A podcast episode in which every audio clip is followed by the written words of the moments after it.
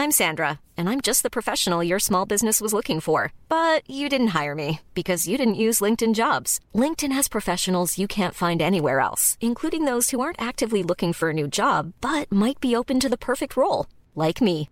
In a given month, over 70% of LinkedIn users don't visit other leading job sites. So if you're not looking on LinkedIn, you'll miss out on great candidates like Sandra. Start hiring professionals like a professional. Post your free job on linkedin.com slash spoken today.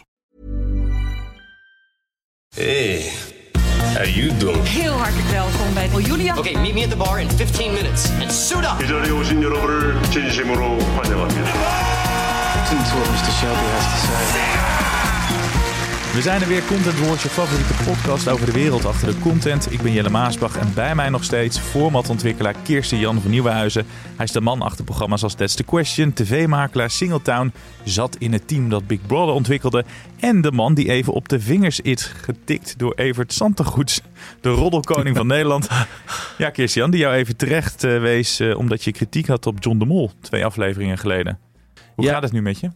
Nou ja, ik eh, ben er nog aan van aan het bijkomen, eerlijk gezegd. Ehm, we hadden natuurlijk verwacht dat er een keer een, eh, een aantal Joegoslaven op ons afgestuurd zouden worden vanuit Talpa. Maar dat, zijn, eh, dat is toch Evert geworden, die minstens zo gevaarlijk is. We gaan er niet te veel woorden aan vuil maken aan Evert. Dat is zonde van de woorden. Ja. Ehm, het enige wat ik zeg van laten we ons allemaal bij onze expertise houden. Evert over roddelen, wat hij al zijn hele leven doet, en wij over formats. Want daar heeft hij heel weinig verstand van. En ik weinig van roddelen. Dus eh, eh, schoenmaker, blijf bij je lees, zou ik zeggen. Nou, meest keurige antwoord dat je kon geven, netjes. We gaan deze aflevering niet hebben over Evert, maar over The Voice of Holland. Het lang verwachte rapport kwam over de misstanden daar, over het grensoverschrijdend gedrag. Maar dat rapport valt zwaar tegen. De slachtoffers die willen nu in gesprek met de Britse eigenaar, met ITV. Want, zeggen ze, er is geen vertrouwen meer in het Nederlandse management. Best wel harde woorden. En wij vroegen ons af bij Content Wars, is er eigenlijk nog wel vertrouwen in het Nederlandse format? Gaan we dat ooit nog zien? Nou, die vraag gaan we zo beantwoorden, Kirstian. Eerst dat rapport. Er wordt gezegd, het is heel klinisch. Ze zijn heel erg bezig met de financiële verantwoordelijkheid, niet met de menselijke maat. Kan je daarin vinden? Ja, ik vond het ook echt wel een, eh een godsput, het rapport. Sowieso het feit dat eh, het eh, Van Doornen is ingeschakeld door de producent zelf is natuurlijk heel raar. Ja. Er moet gewoon een onafhankelijk onderzoek komen vanuit het, het ministerie misschien. hierover. Ehm, en iedereen is hier zo eh, ontevreden over. En voor die slachtoffers is het misschien wel het ergste. Ik denk ook dat het een groot probleem gaat worden of The Voice op korte termijn terug kan komen.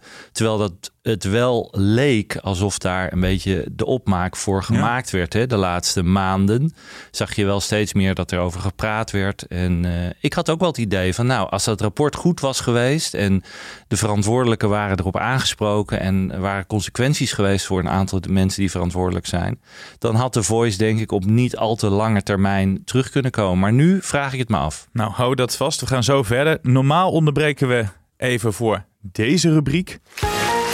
Dat kan veel beter. Maar dat gaan we niet doen. We krijgen iets anders. We krijgen iets veel beters. Want de komende weken zit hier iemand aan tafel. Ja, je zit te luisteren, dus je ziet hem nog niet zitten. Maar er zit hier iemand eh, met een big smile. Eh, iemand uit de mediawereld die we eens eerder spraken over zijn eh, wereldwijde succes op Netflix. En die we de komende tijd over wat anders gaan spreken. Jeroen Koopman van Newbie. Goed dat je er bent. Dankjewel voor deze introductie, eh, Jelle. We gaan wat tofs doen met jou. Eh, we gaan je de komende weken volgen. Een kijkje achter de schermen. En dat is echt wel bijzonder, hè, Kirstian? Ja, dat is heel bijzonder, denk ik. Ehm, Jeroen is natuurlijk, ken ik al heel lang. eh, en Jeroen heeft een heel succesvol eh, productiehuis. Maar eigenlijk staat Jeroens productiehuis voor heel veel productiehuizen in Nederland. Eh, op tv-gebied, op filmgebied. En het is super interessant, denken wij, eh, om eens een kijkje in de keuken te krijgen van zo'n productiehuis. Waar loop je tegenaan? Hè? En bij het pitchen, bij het eh, ontwikkelen van formats, bij de problematiek in de Nederlandse eh, omroepwereld, enzovoort, enzovoort. En Jeroen daarnaast, daar hebben we het natuurlijk eerder over gehad, is ook internationaal heel actief. Hè? Heartbreak High was een van de grootste hits van vorig jaar. Eh, en nog steeds heel succesvol. Volgens mij komt het tweede seizoen aan. Dus het is sowieso gewoon heel interessant om te zien hoe eh Newbie en Jeroen in het buitenland gaat. Nou ja, dat is de reden waarom wij Ja. Jeroen gaan volgen. En dan geef ik nu het woord aan Jeroen. Ja, want ik heb jou eh, in de podcast een blij puber genoemd.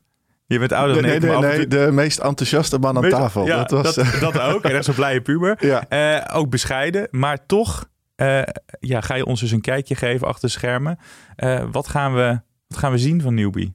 Nou, wij, zaten zelf te denken om een podcast te starten. Dat was eigenlijk het startpunt ook eh, van het gesprek dat bij jullie ontstond. Eh, maar als producent ga je dan denken, ja, oké, straks gaan we dus een podcast maken. Waar ga je die dan uitzenden? En die kunnen we natuurlijk ook zelf op Spotify zetten of eh, waar dan ook. Maar gaan daar dan mensen naar luisteren? En toen was eigenlijk het idee van, volgens mij moeten we die podcast dan uitzenden op een plek waar alle onze gewenste kijkers al zitten. Ehm, en dat is natuurlijk jullie podcast. Dus Heel wij, wij- ik, ik zie mezelf ook een beetje als een soort eh, item, eh, nou, zeg maar een Ja. programma-item in eh, jullie succesvolle zender. Ehm, en ja, ik geloof heel erg in het delen van alle ups en downs. Niemand zit natuurlijk alleen maar op goed nieuws te wachten. Dus ik vind het ook leuk en ben heel erg bereidwillig. En ik hoop dat jullie me ertoe triggeren om nou openheid van zaken te geven en jullie mee te nemen de komende weken. Nou ja, dat is ook een vereiste. Dat is de vereiste ook. Dat we, we moeten ook de shit horen van Jeroen. het is niet alleen maar Kommer en kwel. ups. Het, we willen vooral de kommer. Nee, niet Ja, vooral. Maar zeker ook de, de Ja. kommer en kwel. Ja. De schandalen. eh, de frustratie enzovoort. Ja, het is gewoon een prachtig kijkje achter de schermen. En ik denk dat voor heel veel luisteraars ook interessant is om te zien... hoe gaat dat nou bij productiehuizen? Ja. Nou, en ook, we kennen natuurlijk de succesverhalen. Eh, het gaat lekker, maar ook bij succes horen natuurlijk allerlei problemen. Dus waar je dan tegenaan loopt, daar Ja. ben ik ook wel benieuwd naar. Ja. ja, en dan loop je meteen tegen dingen aan. Want we, ik ging hier natuurlijk naartoe en toen dacht ik, oh, het is leuk om daarover te vertellen. Maar ja, wij kunnen natuurlijk wel heel veel transparantie willen geven. Maar eh, we hebben het ook te maken met allerlei stakeholders. En moet je die dan in meenemen? Of gaan die dat dan gewoon achteraf horen als dit al opgenomen en uitgezonden is? Eh, dus laten we zien hoe dat, eh, hoe dat zich ontwikkelt. eh, Ja, de dit kan een enorme shitstorm worden voor Jeroen. Dat begrijpen we allemaal. Maar dat zien we dan wel weer. Dat zien we dan wel weer. Nou, Ja. we vinden het superleuk dat je Ja. het gaat doen. Ehm, en eh, kan, je, kan je ons een, een paar dingen vertellen waar je ons in gaat meenemen de komende weken? Nou, het leek me sowieso leuk om eh, jullie mee te nemen in, in een soort pitchproces. Dus vanuit een soort eh, eerste idee. En dan eigenlijk al te vertellen dat we iets gaan pitchen, nog voordat het gepitcht is. En dan jullie de volgende afleveringen mee te nemen, nou ja, hoe dat dan landde. En ehm, eh, zo hebben we nu, dus dat is even een kleine tipje van de sluier. Ehm, we zaten heel erg te denken van, eh, er is natuurlijk een enorme opkomst, hebben jullie het ook over gehad, van eh, succesvolle Aziatische formats. Mhm. Hè, van de Masked Singer tot, tot noem maar op. En tegelijkertijd voelen we dat er heel veel ja, behoefte is aan meer humor. Je ziet het LOL op Amazon natuurlijk een grote, grote hit. En bij ons Tarik, mijn eh, creatieve rechterhand, die, eh, die ineens zei... Wow, we- weet je eigenlijk op welk format LOL gebaseerd is? En welk succesvolle format we vroeger allemaal op MTV keken? Silent Library. Ik weet Ja. niet of je dat eh, format kent, maar je zit met zes vrienden... bekende Nederlanders dan in ons geval aan een tafel en die moeten hele gekke opdrachten doen. En dat hoeven niet per se comedians te zijn. Dat kan ook nou ja, eh, de, de, de dames van echte meisjes zijn of eh, eh, een- band, een bekende zanger met zijn band. En die moeten gekke opdrachten doen. En het enige challenge die er is, is maak geen geluid. Ehm, en die rechten lagen dus bij een Japanse zender, Nippon. En die hebben we nu weten te verkrijgen voor België en Nederland. Tof. Dus we hebben nu die rechten. Ehm, en ik moest ze dus wel even mailen. Want dat, nou, dat, zo gaat het dan. Ik dacht, we willen dit dus in een podcast eh, benoemen. Mag dat dan? Is dat voor jullie oké? En eh, toen vroegen ze dus van, welke podcast eh, is dat dan?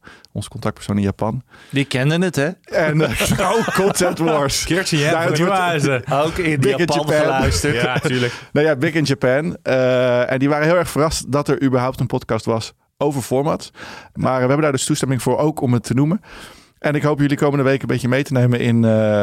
nou, wat zijn dan de reacties bij de platformen en de zenders? Oh, tof. Maar wij geloven er heilig in. Dit gaat echt een hit worden. Ehm, ik denk dat de millennial kijker denkt... Oh shit, dat keek ik vroeger. Ehm, en eh, laten we het weer... Het is heel optimistisch. Het is lachen. Het is...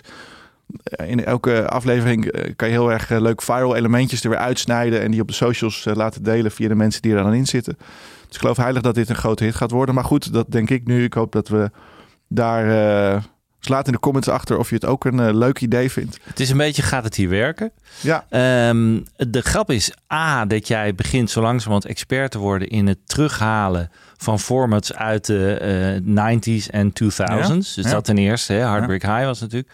Eh, ik keek er vaak naar, Silent Library. Vond het echt heel leuk, inderdaad.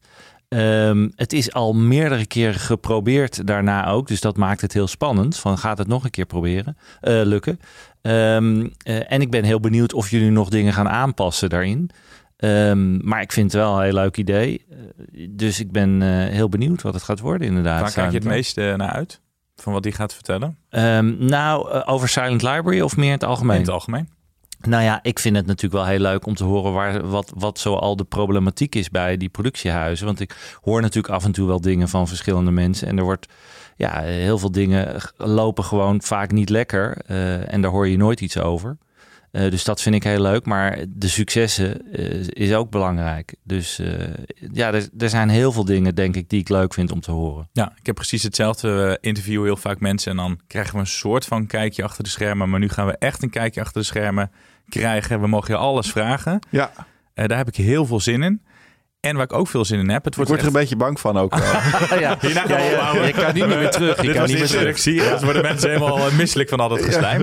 Ehm, maar bij een rubriek hoort altijd een hele mooie jingle. Die is in de maak. Mark Kirstian, we hebben een soort van auditie nog voor jou. Jij kan hem nu hier nog inzingen. Nu moet ik die jingle Hoe gaan gaat doen. die jingle klinken? Begrijp ik. Dit had ik, ik had me hier niet op Nee, voorbereid, eh, Jelle. Dus ik moet er weer iets van... eh, nou ja, we, we hebben de titel wel, hè. What's, what's, What's new, newbie? What's newbie. Dus het wordt Oh, iets ja. van... What's newbie? maar dan anders. Die is slecht, hè, deze. Jeroen Koopman van Newbie, dankjewel. We hebben er heel veel zin in. De komende afleveringen, Ja. dan gaan we met jou mee en dan gaan we kijken wat jullie allemaal doen. En In eh, ups en downs bij jullie. eh, Ups en downs. Want het gaat ook nog eh, echt wel om veel meer onderwerpen dan alleen maar pitchen en libraries. Ja, hè. En, er en klein, klein, nog een heel klein en we gingen afronden, Kirsten. Oh, we gingen afronden. Nou, luister maar over twee weken, jongens. Ja. Ja, Spannend. Zie jullie dan? ja gezellig. Ja, terug naar de Voice en eh, naar het format. De laatste aflevering was halverwege januari vorig jaar. Hoeveel schade heeft het eh, inmiddels opgelopen? Nou ja, het gaat om tientallen miljoenen. Ehm, bij de zender is het natuurlijk een hoop eh, geld. Ik denk dat RTL ook wel een van de eh, partijen is die het meest geschaad wordt. Kijk, de, de, de partijen die het allerlastigst hebben zijn gewoon de slachtoffers. Dus dat is voor, die, voor al die meiden eh, is het gewoon heel naar dat het Mhm. zo loopt. En het gaat om heel veel meiden. Hè? Ik bedoel, er twaalf zijn doorverwezen naar de politie. Nou, moet je je voorstellen. Dat is dan waarschijnlijk heeft niet eens iedereen zijn verhaal gedaan, maar twaalf verhalen zijn al zo ernstig dat je, dat je er aangifte van kan doen. Ehm, dus het gaat om een, een structureel heel groot probleem wat daar ge- ge- geweest is jarenlang. Voor RTL is het echt wel een, eh, een aderlating. Dit is een hele belangrijke show voor hun.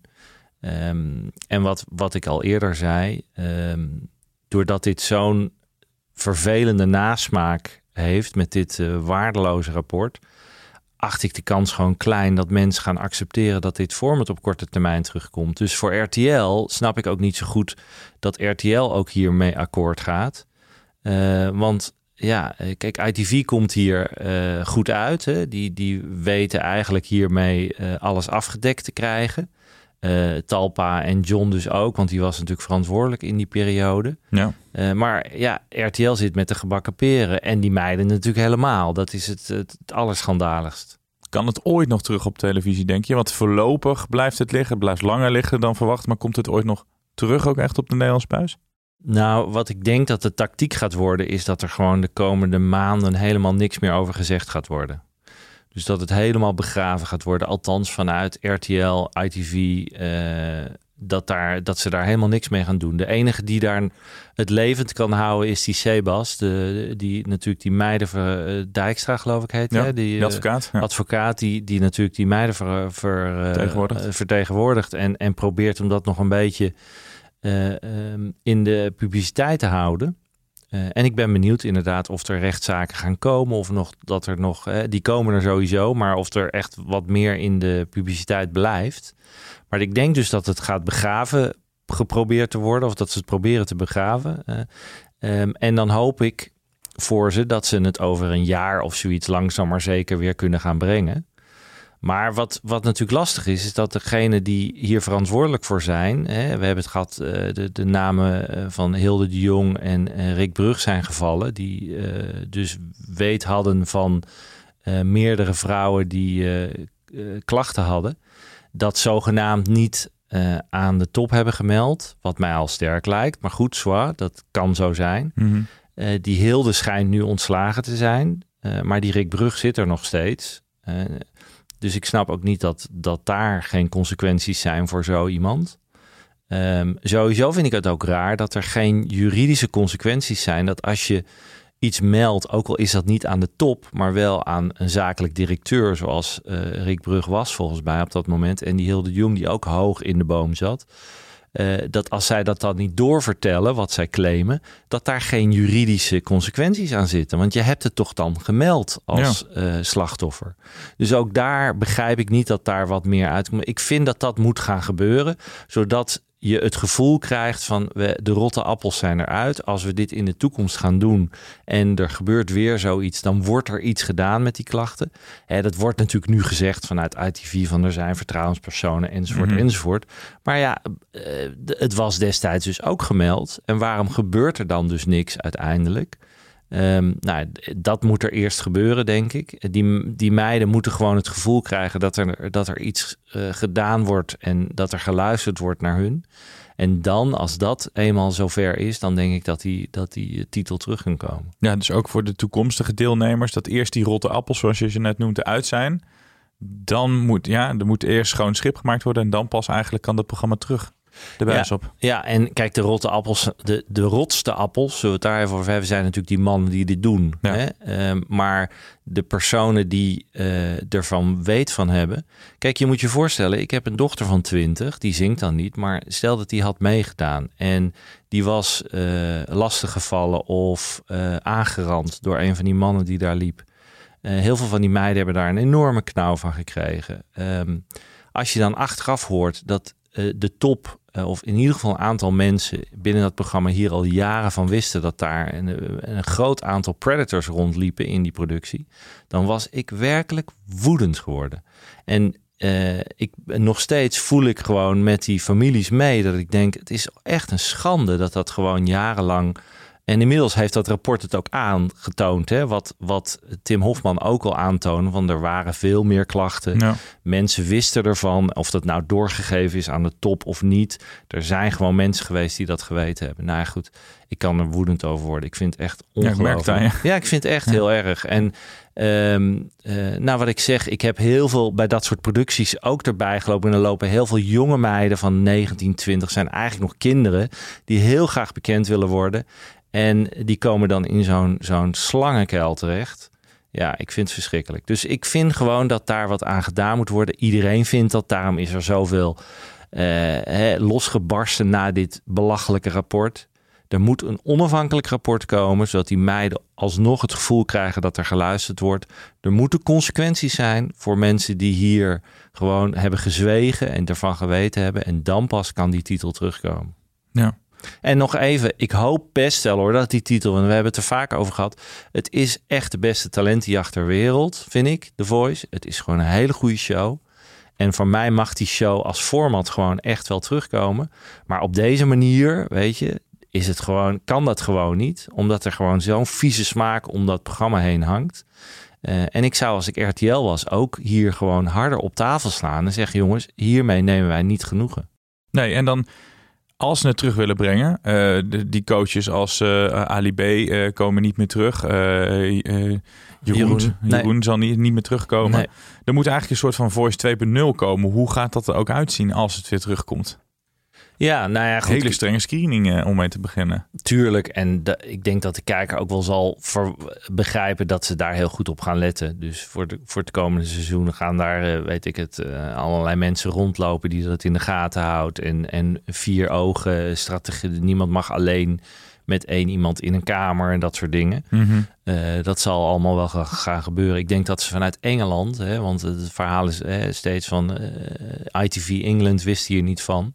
Engelsen en Amerikanen zijn heel streng hierop. Ik denk dat daar heel goed vanuit Engeland ook naar gekeken wordt. Want voor ITV, los van dat ik vind dat ze dit slecht hebben opgelost, is dit natuurlijk ook een eh, kostenpost. Hè. Deze productie levert veel geld op voor ITV. Eh, in Nederland dan, want in het buitenland loopt eh The Voice gewoon nog heel succesvol. Het meest Ja. succesvolle eh, eh, show van ITV Productions eh, wereldwijd. Dus het is echt wel voor hun, eh, er is iets aangelegen om dit in Nederland ook wel weer op de buis te krijgen. Het land waar toch het ontstaan is.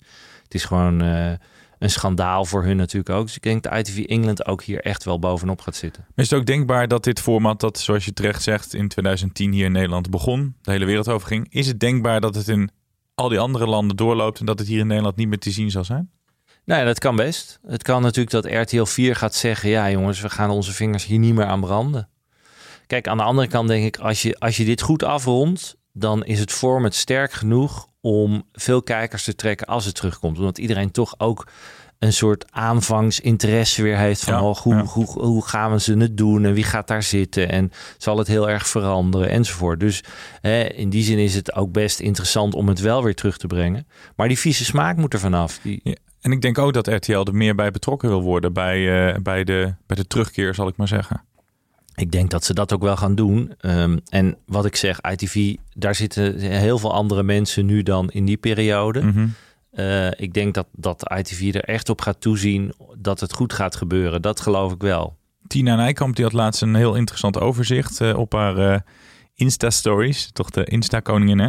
Ehm, zij ze liet een overzicht zien van alle zenders en alle omroepen waar ITV mee samenwerkt. En dan zie je vooral dat RTL gigantisch afhankelijk is van ITV. Je zou ook kunnen zeggen, ze durft ITV ook niet echt te hard aan te pakken. Want ze zijn te afhankelijk van ze. Nou ja, er zijn natuurlijk altijd heel veel belangen onderling. Dus dat, dat maakt het eh, niet makkelijk. En ik geloof best dat eh, eh, RTL een hele goede relatie heeft met ITV. Want ITV maakt inderdaad heel veel succesvolle programma's bij, eh, bij RTL. Dus daar, dat, dat maakt de discussie gewoon een stuk lastiger. Ja.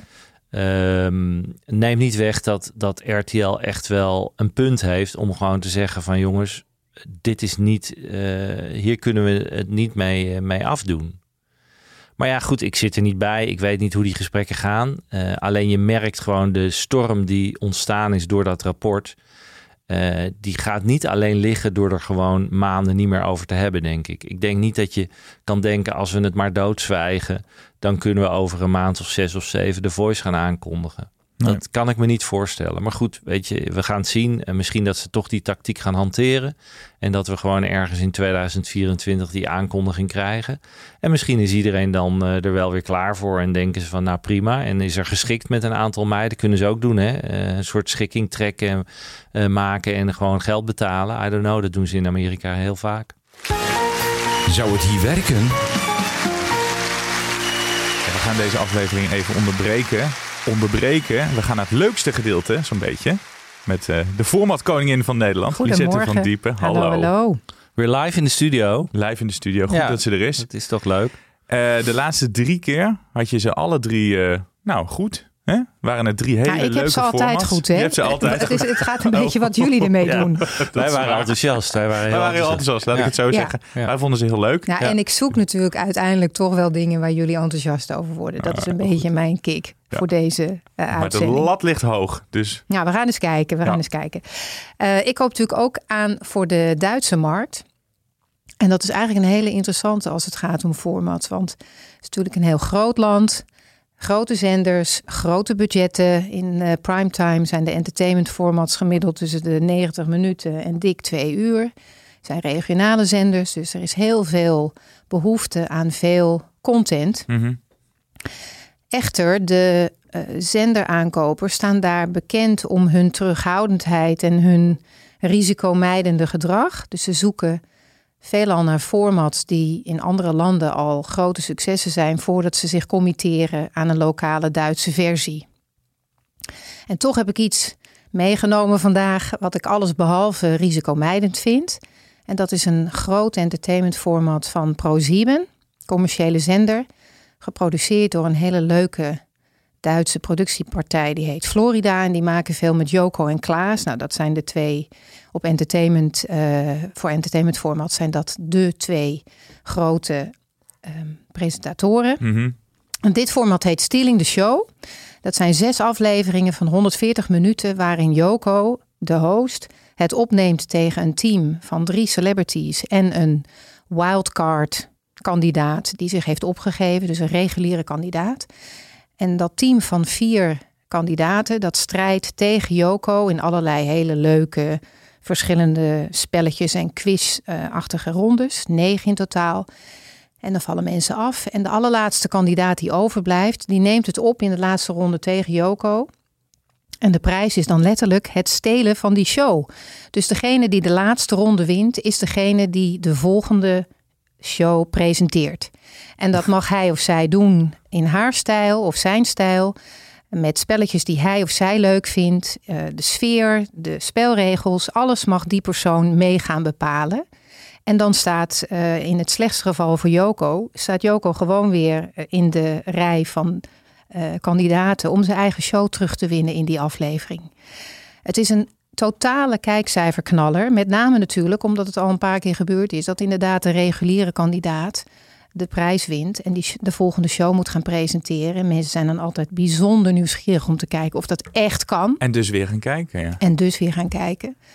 Uh, we zitten nu in het uh, derde jaar. Dat is net afgerond met uh, wederom enorme goede cijfers.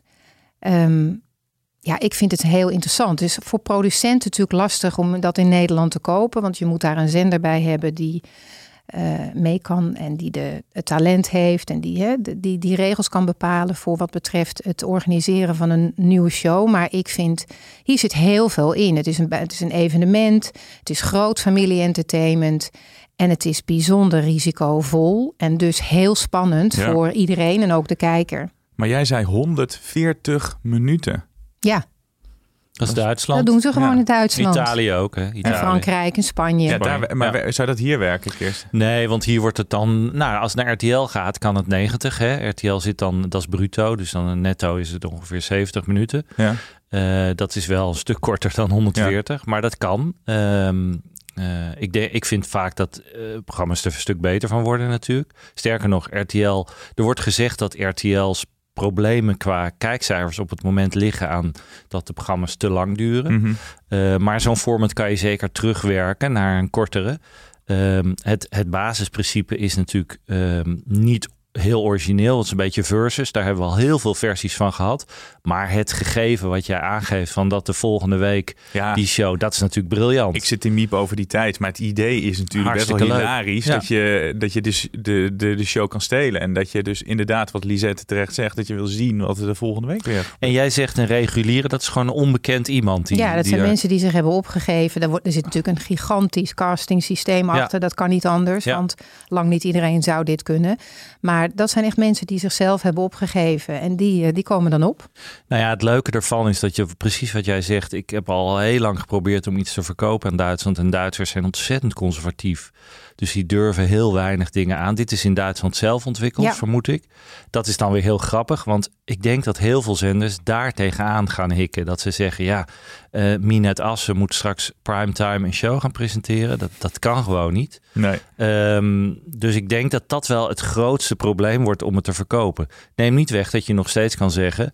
het zijn drie of vier celebrities waar je tegen... en dat, dat is ook al leuk genoeg. Hè? Als Dries Roelvink een, een, ja, een nou, aflevering hadden... moet presenteren de volgende week... vinden mensen waarschijnlijk ook al grappig. Ja. Ze hadden in dit laatste seizoen uh, een bekende Duitse rapper die, uh, die het won... En vervolgens die hele studio ombouwde en uh, vroeg of iedereen in uh, Adidas sneakers en uh, outfitjes wilde komen. Die wilde gewoon die sfeer. Ja, dat vinden mensen ook leuk om naar te kijken. Het on, de, het, er zit een heel stuk onvoorspelbaarheid in ja. Die het heel leuk maakt. Ja, en ik denk dat dat mensen zeker nu ook leuk vinden om, om programma's te zien die onvoorspelbaar zijn. Um, ik denk dat er ook een hele grote uh, redactie achter zit, die dus helpt. Veel programmaontwikkelaars. Ja, dit is ook geen goedkope show. Het is geen goedkope show. dus dacht ik ook niet. Nee. Op het moment dat Ries Roelvink daar gaat staan, moet natuurlijk die programmaontwikkeling afdeling ja. daar alles gaan bedenken voor hem. Ja. Uh, niks tekort uh, doen aan Dries Roelvink, maar hè, dat, dat is natuurlijk toch een vak. Um, uh, dus er zal veel geld tegenaan moeten. Er zit veel risico. Maar ik vind het wel echt iets voor RTL. En RTL heeft het moeilijk op het moment. Hè. Uh, in de weekenden wat minder. Maar door de week is SBS echt veel beter aan het scoren dan uh, de laatste tijd.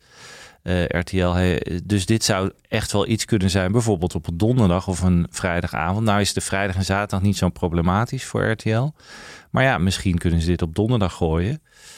ik vind het wel een heel leuk idee. Ja, Ja. De hoop moet uit Duitsland komen. Hoe heette het ook weer? Stealing the Show. Stealing the Show. Stealing the Show, ja. En je had het over, het is een duo-presentatie, het soort end en dek van Duitsland. Nee, nee, nee. Eh, hij, Joko, presenteert dit in zijn eentje. Behalve die allerlaatste ronde, want dan is hij eigenlijk opeens kandidaat. Dus dan komt er een extra dame bij die die specifieke laatste ronde presenteert. Maar hij is bekend eh, omdat hij heel veel leuke dingen doet samen met een andere presentator. Ja. Dus dit is gewoon een van de allergrootste presentatoren in Duitsland op het Ja. moment. Leuk. Nou ja, ik zeg van... eh, Het gaat hier werken. dat zou zomaar kunnen. Ik denk dat, eh, dat het weer langs gaat komen bij Tina Nijkamp. Want die, eh, die neemt al jouw tips over, Lisette. Nou, deze is nu net klaar. De laatste, de laatste serie, de derde serie, is eh, net afgerond op 26 maart. Dus we gaan het zien of er weer een komt. In Duitsland sowieso, denk ik. Ja. Eh, en ik denk dat de zenders deze show in Nederland ook absoluut al eh, gezien hebben en overwogen hebben, want hij is niet brand new. En, en hij loopt in het weekend, neem ik aan, in Duitsland. Hij is net, eh, de laatste serie is naar de zondag gegaan en dat bleek een gouden zet. Ja. Eh, maar eerdere seizoenen was het ook door de weeks. Nou, mooi. Gaat hier werken? Wordt een beetje saai. Ze heeft Het wordt- altijd een ja, format ja, wat hier dat- werkt. Ze is heel erg Ze is te vorm goed. de Ze is te laatste goed. tijd. Lisette van Diepen, dankjewel. Tot snel. Ja, dat was mooi hè, wat eh, Lisette van Diep ons eh, allemaal vertelde. Wat nog mooier is, is dat jij altijd een tip geeft. Daar sluiten we de aflevering. eh, en jij zit nu heel druk Heel op snel. je mobiel te Ik- zoeken naar de tip. Ik overval even- je er een beetje mee. Ik, ik, ik wist even niet dat we direct naar de tip ja, gingen, joh, inderdaad. Ja, even de tip. Ja, nou, de tip die, die ik ga geven, die, is, die, is, die loopt eigenlijk al op Videoland. Hij heeft best wel veel ehm, eh, publiciteit gehad. Maar mocht je hem nog niet gezien hebben, eh, Kees Momma, eh, die is natuurlijk heel beroemd geworden. Het beste van Kees. Ja. Een, een documentaire uit 2014 hè, van Monique Nolte. ehm, waarin we een heel mooi beeld kregen hoe een, een hoogbegaafd, toch wel wat hij is, autistisch, autistische man functioneert. En vooral ook het dilemma van zijn ontzettend lieve ouders, die hem maar niet los kunnen laten. Ehm, inmiddels een nieuwe documentaire. Kees vliegt uit. Ik begreep, staat op Videoland nu. Ja. Ik begreep dat ze al ook al aan het draaien zijn voor weer een derde deel. Want dit, deze wordt ook weer een hit. Ehm, maar mocht je hem nog niet gezien hebben, moet je hem toch even kijken. En kijk ook meteen de eerste nog even. Die staat op NPO Plus. Dus ik heb een soort voor twee streamers Mooi. eventjes een tip. Eh, want die eerste is, is misschien wel het allermooist. Ehm, eh, het beste voor Kees was toch de kennismaking met Kees Momma. Eh, en briljante fragmenten erin. de hè, waar- snelweg, Op de snelweg, de die, waar die Duitsers... Prachtig. Nou, het is heel ontroerend. Ja. Ehm, en Kees vliegt uit vind ik ook, ook weer prachtig. Dus het is, ja... Ik wil nog even een eh, frustratie delen. Oh, Want ik eh, zat op Videoland dus ook met eh, mijn lieftallige vriend mee te kijken naar de Verraders. Ik heb de eerste aflevering geprobeerd en het idee vind ik nog steeds heel tof. Maar deze cast is zo verschrikkelijk. Nou, kut is echt het, enige woord Oh. dat ik erover wil zeggen. ja. Hele beroerde kandidaat. En het, ja, en dan zit je de, de Vlaamse Wie is de Mol te kijken. Dan word je eigenlijk getrakteerd op echt hele toffe televisie. Dus ga dat zien. Ehm, dat kan je terugkijken via Play, Play 4 of nou, in ieder geval een, een, een streamer, eh, een Vlaamse streamer. Maar dat is echt mooi. Dat zijn ook onbekende kandidaten. En dit zijn een soort van B-garnituur van die, van die halve influencers en, eh, en andere types. Nee, het is echt heel slecht. Wat jammer. Niet vol te houden. Ja, nou ja, goed. Zonde. Je merkt aan realityprogramma's hoe lastig het is in Nederland om goede cast te krijgen. Ja, nou, dat wilde ik nog zeggen, want je hebt het altijd over casting. En nu zag ik hoe belangrijk goede casting is. Ja. Ja, dit Nee, is dat- echt slecht. Maar dat is het, het lastige in Nederland, omdat we toch een relatief klein land zijn. En zeker als je met celebrities wil werken, dan merk je hoe moeilijk het is om goede eh, celebrities te krijgen. En misschien moeten we dus ook maar zo langzamerhand weer eens teruggaan naar cast met onbekende mensen Dat die werkt gewoon leuk ja. gecast zijn. En dat Heel is bij de Vlaamse eh, Wie is de Mol. Dat zijn onbekende mensen en dat werkt echt heel erg goed. Dat Ja. is echt leuk. Nou ja, en mij is verteld dat de Engelse verraders, die ook op Videoland staat, een van de allerbeste is. Ja. Met Engelse gecaste, onbekende Engelsen, die heel spannend is. Ehm, dus ik denk dat eh, zenders maar weer eens moeten gaan kijken, jongens, ga eens gewoon de mensen casten. Ja, heel goed. Dit was hem alweer. Volgende week dan zijn we er weer. Dan iets heel tofs. Dan gaan we het hebben over data en statistiek. Ja, we krijgen een inkijkje. Dat krijgen we van VOD Insights. En bij ons komt Branko Scherer. Ik ben altijd een ramp met het uitspreken van namen. Daar ben je beter in. Ehm, en die verzamelen dus al die data en gegevens en, en leuke dingen. Ja, dat wordt heel interessant, want we, we horen het anders nooit. En we zijn heel benieuwd welke streamers het nou echt goed doen en welke streamers zeggen dat ze het goed doen. Ja. Tot volgende week.